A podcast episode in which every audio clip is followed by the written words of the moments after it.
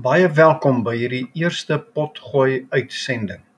Ons vertrou dat u hierdie uitsending baie sal geniet en terwyl u na hierdie boodskap luister, dat die Here u ryklik sal seën.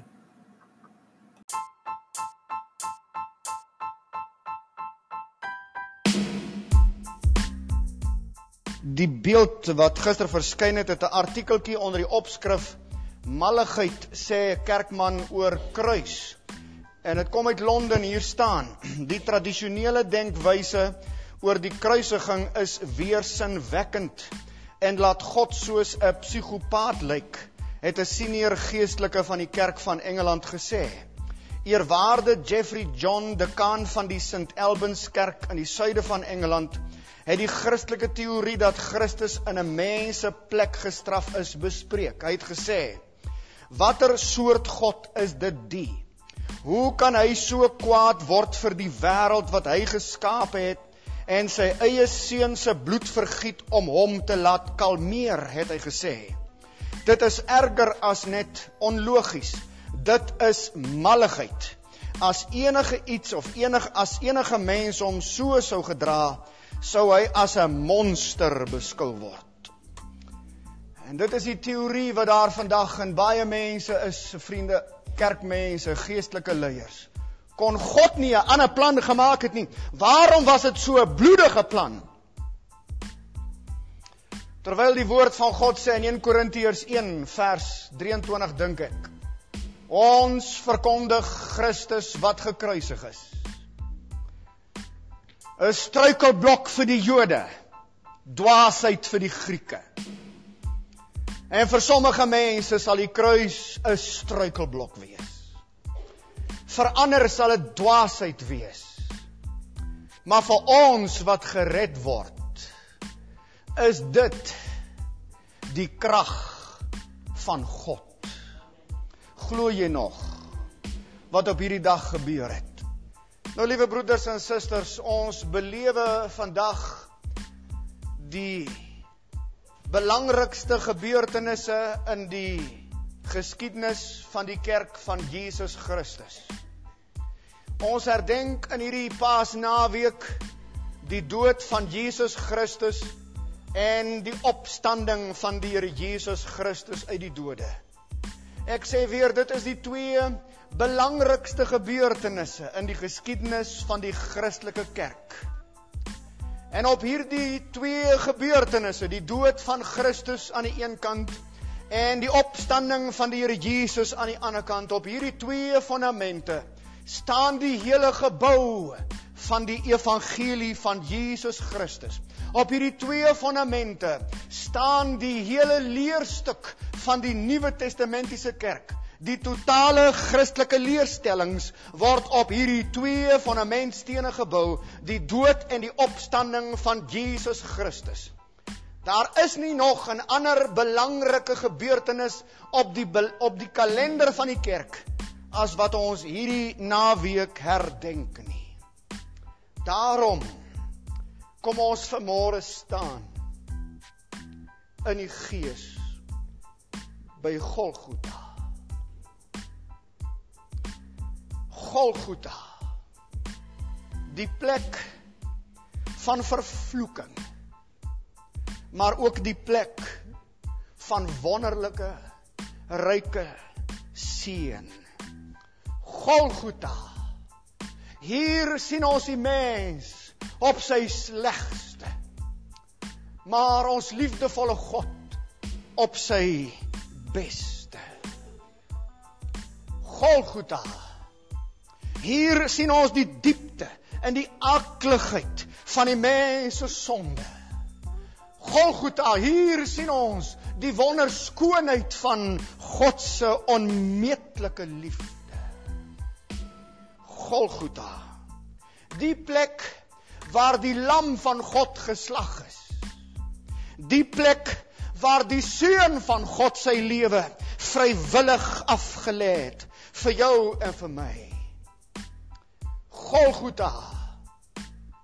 Die plek waar ek en jy in die geloof sal moet kniel as ons vergifnis van ons sondes wil hê, as ons redding en saligheid wil hê, as ons enigsins oorwinning en verlossing wil hê, Golgotha.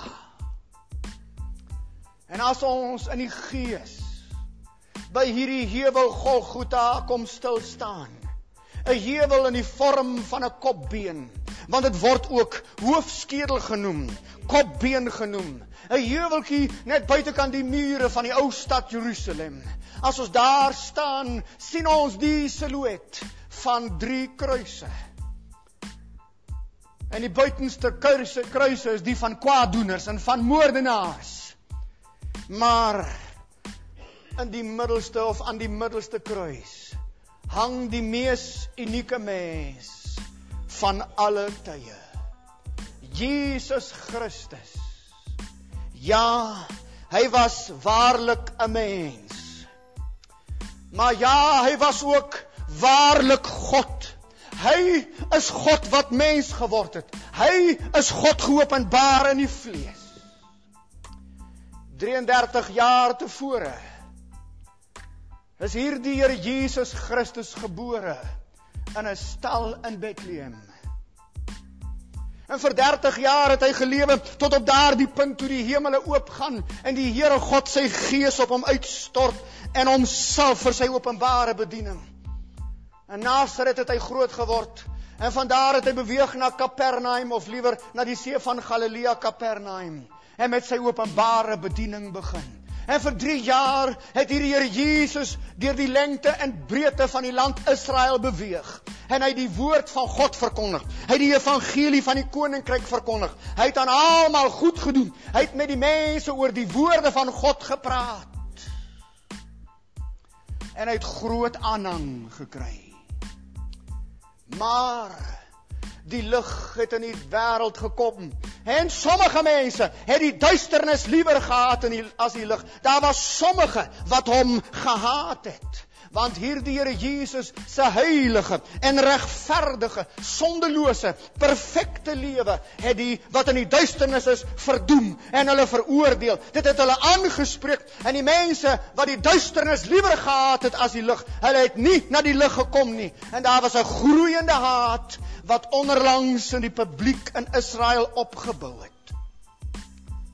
En so het hierdie groeiende haat uiteindelik opgebou totdat daar in die strate van Jerusalem geskree is.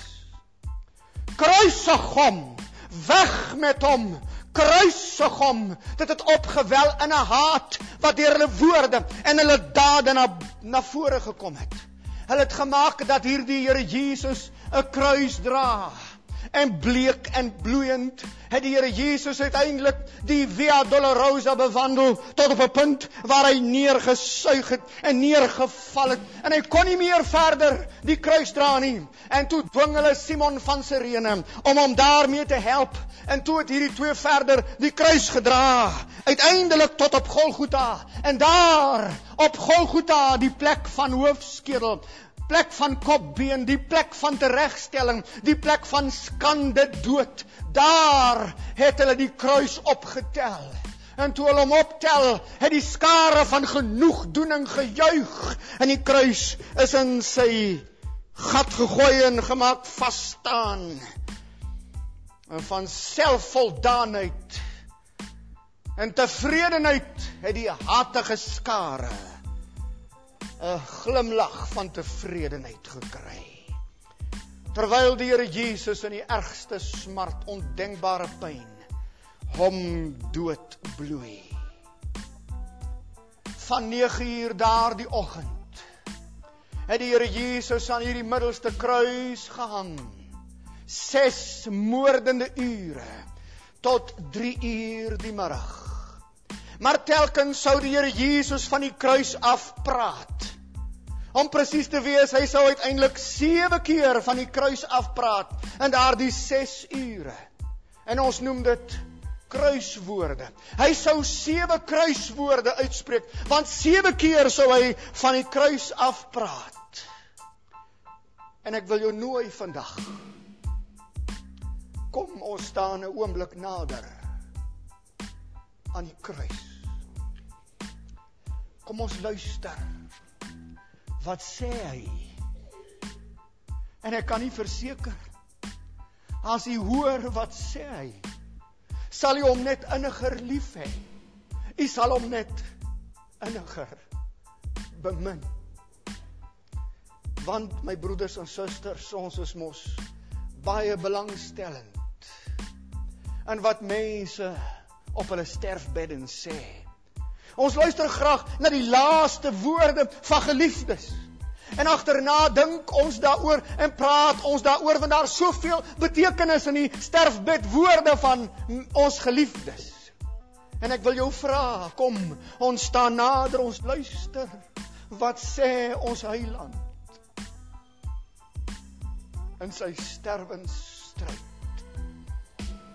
Ek wil vandag met u praat oor die eerste kruiswoord net die eerste kruiswoord.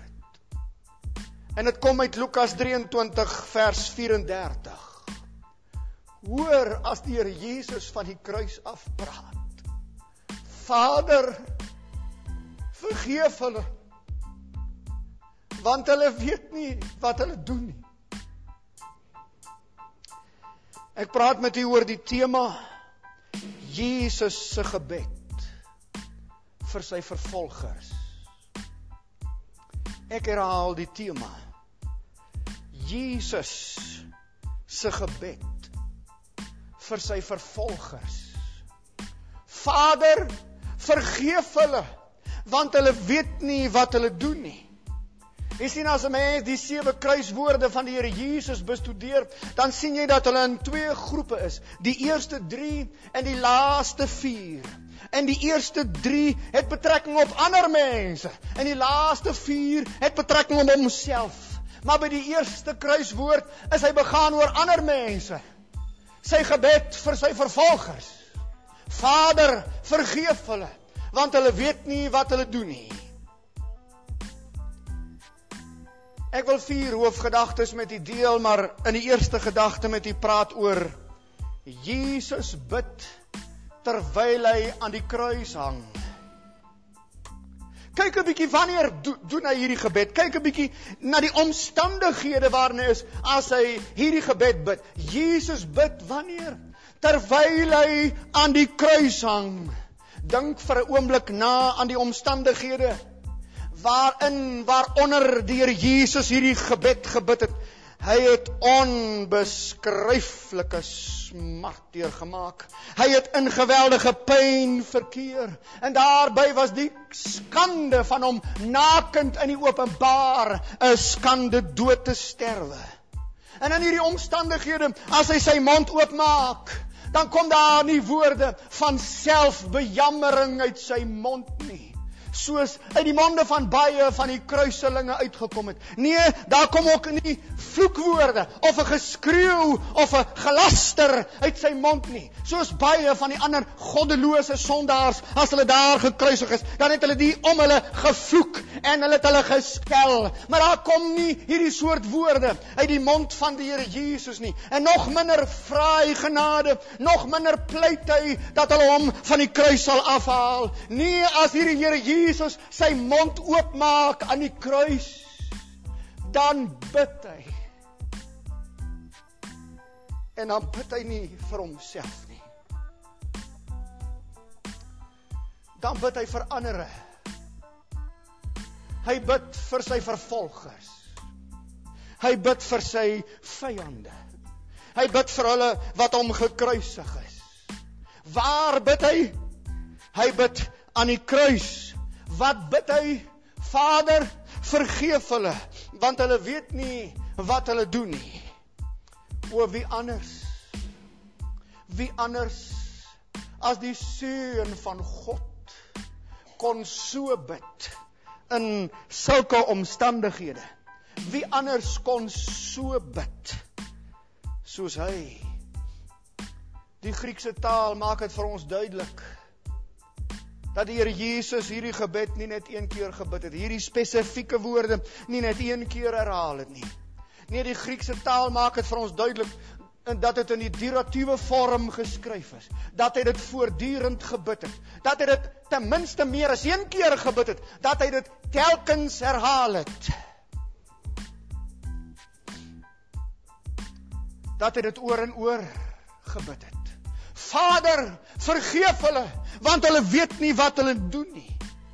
En ek kan my voorstel toe hulle uiteindelik die kruis deur die strate van Jerusalem gedra het en die kruis op Golgotha neergooi, het die Here Jesus gebid, Vader, vergeef hulle want hulle weet nie wat hulle doen nie. En toe die soldate hom begine oopspalk om oopsper om aan die kruis vasgenaal te word, het hy gebid, Vader, vergeef hulle want hulle weet nie wat hulle doen nie.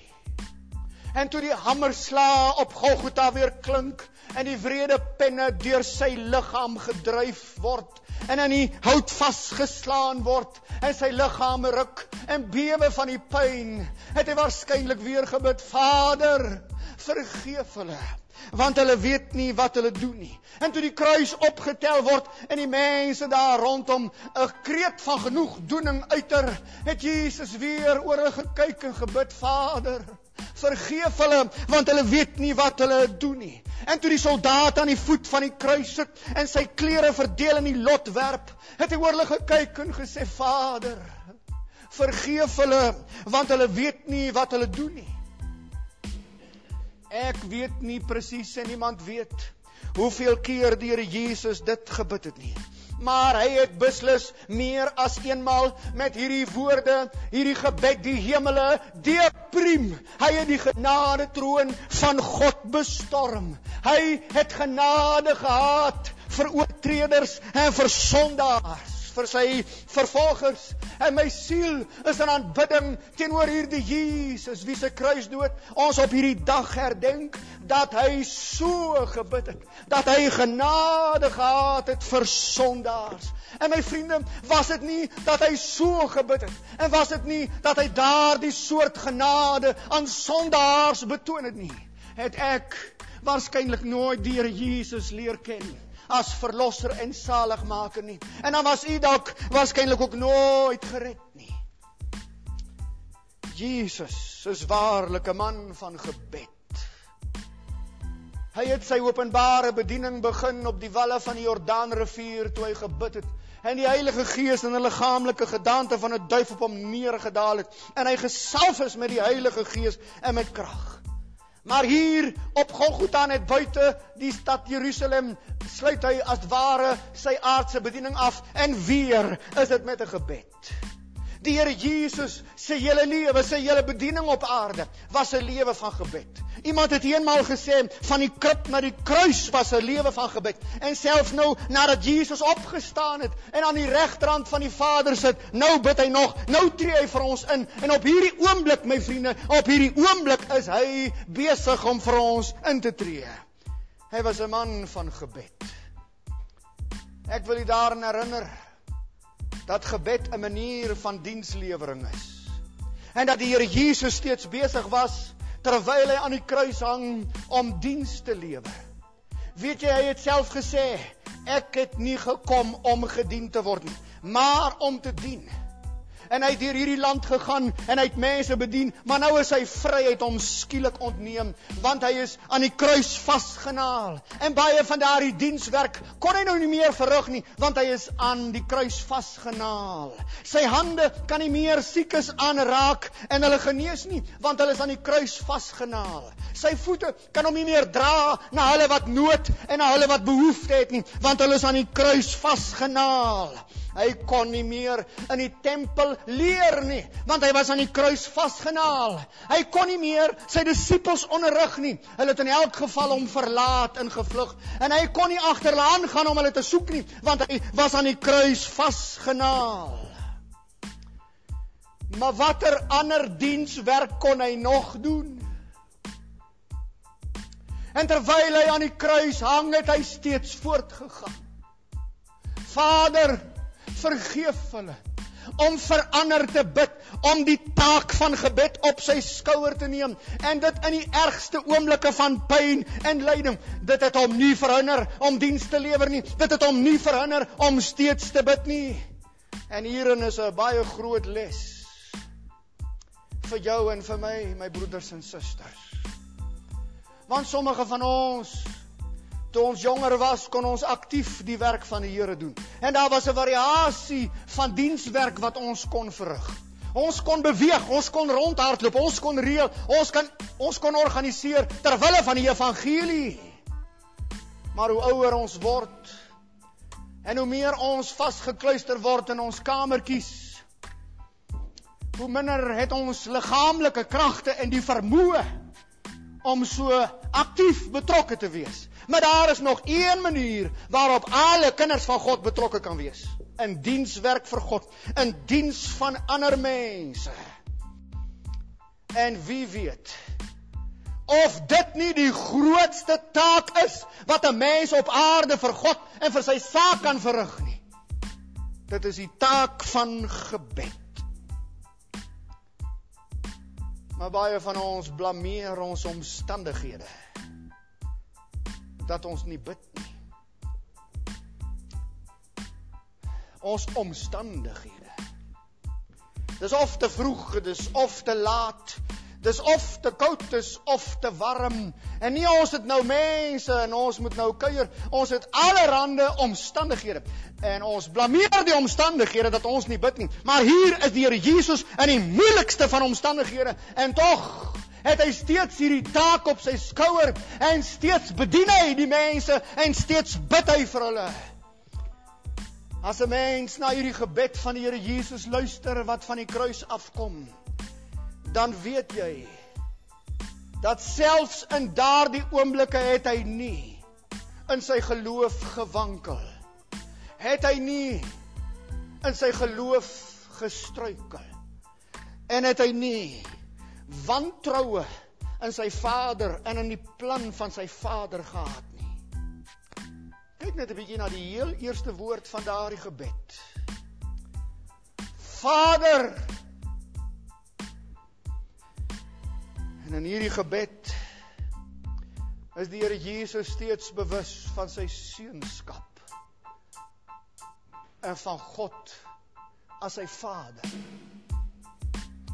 En jy weet dit sê vir ons dat in hierdie ergste stryd en pyn en lyding het die Here Jesus sy geloof in sy Vader behou. Hy het sy vertroue op sy Vader behou. Ons het vanmôre hier tekste gesien op die skerm waar mense se geloof skibreek lê. Waar mense, sommige mense die geloof verloon. Waar mense die geloof nie meer behou nie. Daar is sommige mense wat hier sit wie se geloof geknak is. Daar is mense wat hulle vertroue in God verloor het. Daar is mense wat hulle geloof in die woord en in God verloor het. Maar die Here Jesus Sy geloof in die donkerste uur van sy bestaan skitter soos 'n helder ster aan die donker hemelnag. Sy geloof is sterk. Sy geloof is lewendig. Sy geloof is stabiel. En ek wil u net herinner aan dit wat die Here Jesus deurgemaak het tot hier toe. Die vorige aand, kom ons sê 18 ure terug, het hy in Getsemane bloed gesweet en hy het nie 'n kans gehad om iewers te was en op te vars nie. En daar het Judas Iskariot hom verraai en het hom gevange geneem. En toe het hom die een onregverdige verhoor na die ander laat deurmaak. Daardie nag is die Joodse raad bymekaar geroep by die huis van Kajafas. Die hele nag moes hy beskuldigings aanhoor en 'n onregverdige verhoor. En toe die son die volgende môre opkom, het hom deur die strate geneem na Pilatus om hom voor Pilatus om by hom die reg te kry om dood te maak. En Pilatus stuur hom van daar af weer na Herodes en Herodes het hom veragtelik en bespotlik behandel. En toe stuur Herodes hom weer terug na Pilatus. En iewers in hierdie prosesse was daar geleenthede waar hulle weer Jesus geblinddoek het en waar hulle hom met die vuis geslaan en met stokke bygekom het en vir hom uitgelag en gespot het en gesê: "Profeteer, jy is mos 'n profeet. Wie het u geslaan?" Daar was geleenthede waar sy baard uitgepluk is. Daar was geleenthede wat mense in sy gesig gespuug het. Ek vertel u net wat die Here Jesus die 18 ure voordat hy aan die kruis hang moes deurmaak. Daar was 'n punt, my vriende, waar hulle hom geneem het na die agterplaas van Pilatus en aan die geselpaal vasgemaak het en een van die wreedste strawwe in menslike geskiedenis op hom toegepas het, hom in die Romeinse kats geslaan het en die stukkies vleis stukkie vir stukkie van sy liggaam afgekloof het, sodat jy uiteindelik sy ribbebene kon tel en sy ingewande deur sy ribbebene kon sien beweeg as hy asemhaal. Ek vertel jou net wat het die Here Jesus al deurgemaak. En uiteindelik het hulle purperkleed om hom gehang en 'n doringkroon op sy hoof gesit. En hom weggelei om gekruisig te word en in hierdie proses het sy volk hom verwerp. In hierdie proses het sy mees getroue vriende hom almal verlaat. En daar hang hy aan die kruis. Maar o, oh, sy geloof te midde van alles wat met hom gebeur het, is sterk in sy Vader. Sy vertroue is sterk in sy Vader. Hy bid nog steeds tot God sy Vader. Hoe lyk dit met jou kind van God? Hoe lyk die omstandighede wat daar oor jou lewe gekom het die afgelope week? Die afgelope maand, die afgelope jaar, die afgelope 2, 3 jaar. Hoe lyk hierdie omstandighede van jou? Hoeveel keer het dit nie al gebeur dat wanneer kinders van God in beproewinge kom, wanneer hulle in toetse kom, dan verwyd hulle God daarvoor dan verloor hulle totaal hulle geestelike en Bybelse perspektief. En dan alself sommige wat sê, "Waar is God nou? En hoekom hoor hy nie my gebede nie? En waarom help God my dan nie? Waarom laat God hierdie dinge oor my lewe toe? Waarom gebeur dit met my?" En dit lyk asof hulle God betwyfel, asof hulle wantroue in God openbaar en hulle laat toe dat omstandighede en die duiwel hulle geloof net daar en dan knak sit hier nie vanmôre mense met 'n geknakte geloof. Jy het nie meer vertroue in God nie. Die duiwel het reg gekry om jou geloof te knak. Om wantroue in jou hart te saai in die woord en in God jou Vader. Is dit ook so dat God gesê het? Ek weet nie meer of ek die Bybel regtig kan glo nie. Maar Here Jesus In die donkerste uur van sy bestaan sê ek weer, het sy geloof geskitter soos 'n sterretjie in die donker nag. Helder. Sterk. Lewendige geloof in die moeilikste van omstandighede.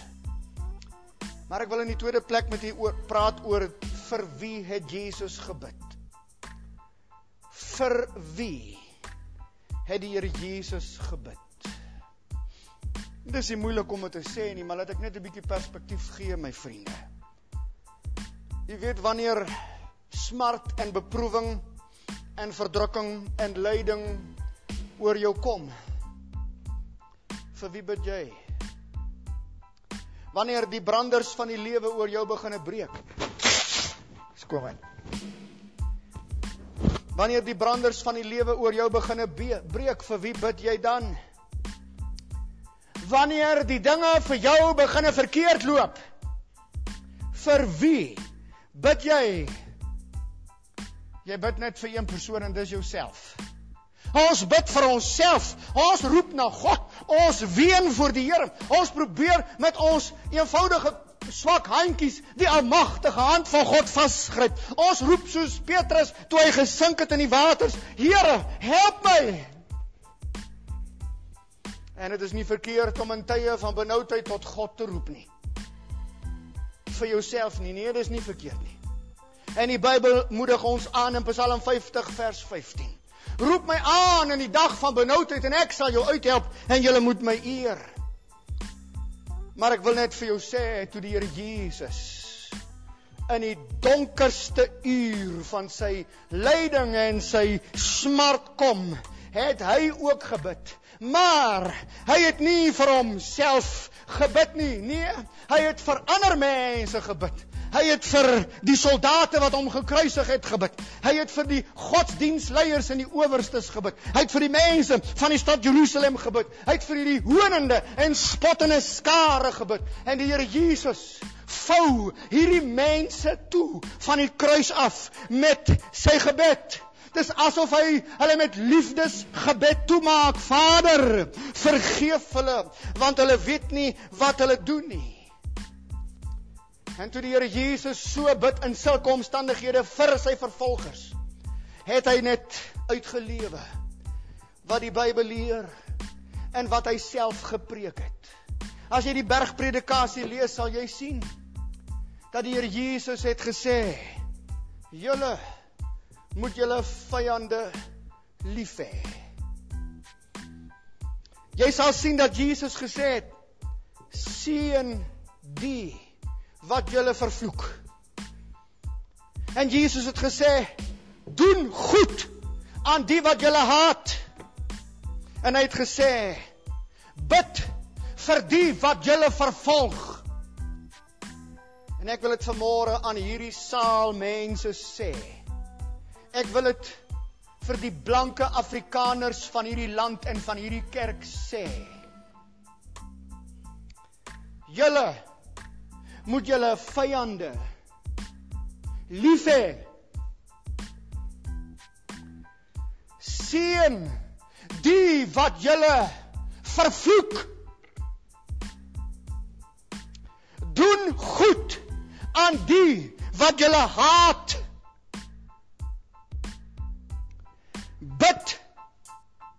Vir die wat julle vervolg is maklik om hierdie dinge te sê, my vriende. Maar dis heeltemal iets anders as jy in omstandighede is waar jou vyande jou lewe soek, soos hulle dit vir die Here Jesus Christus gedoen het. En weet jy die Bybel sê in Jesaja 53 vers 12, terwyl Jesus tog die sondes van baie gedra en vir die oortreders gebid het. Let op vir wie het hy gebid? Hy het vir die oortreders gebid.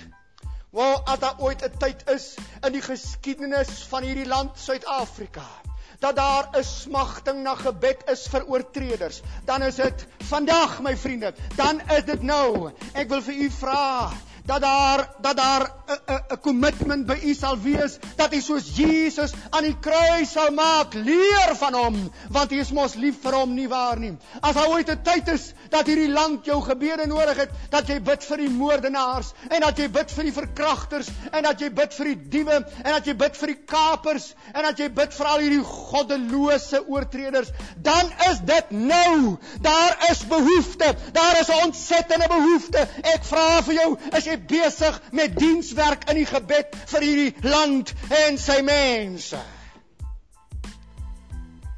Maar as die Here Jesus vir sy vyande bid, dan bid hy vir hulle grootste nood. En ek is van mening dat dit werklik almal se grootste nood vergifnis. Hulle grootste nood is 'n sondeprobleem en hulle het vergifnis nodig.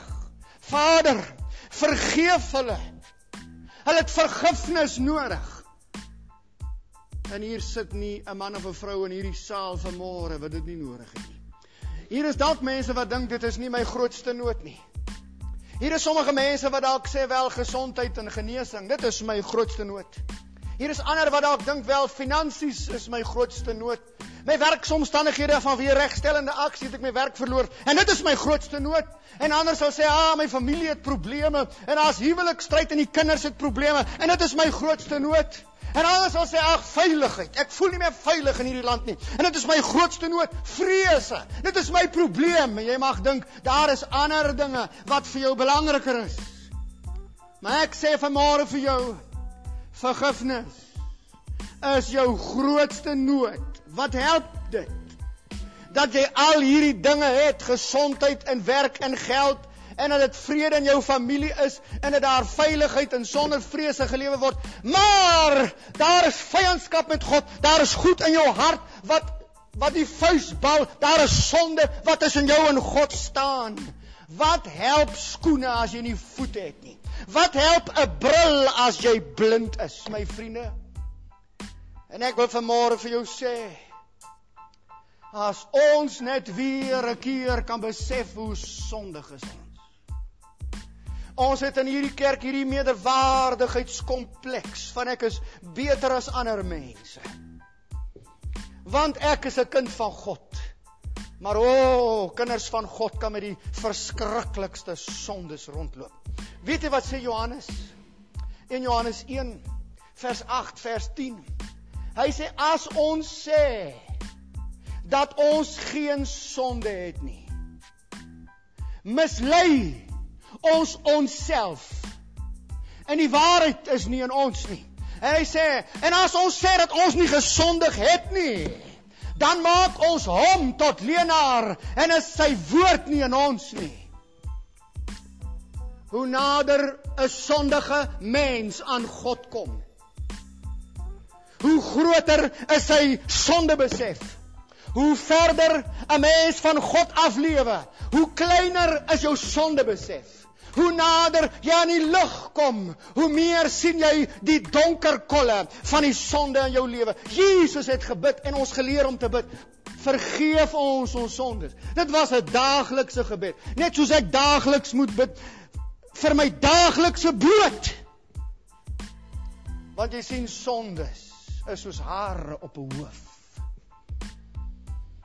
dit stroom die gemoedere, die denkwyses van kinders van God soms binne. En hulle besef dit nie. Hulle sê ag ons het 5 jaar terug ons sonde voor die Here bely. Ons het 'n jaar terug dit gedoen.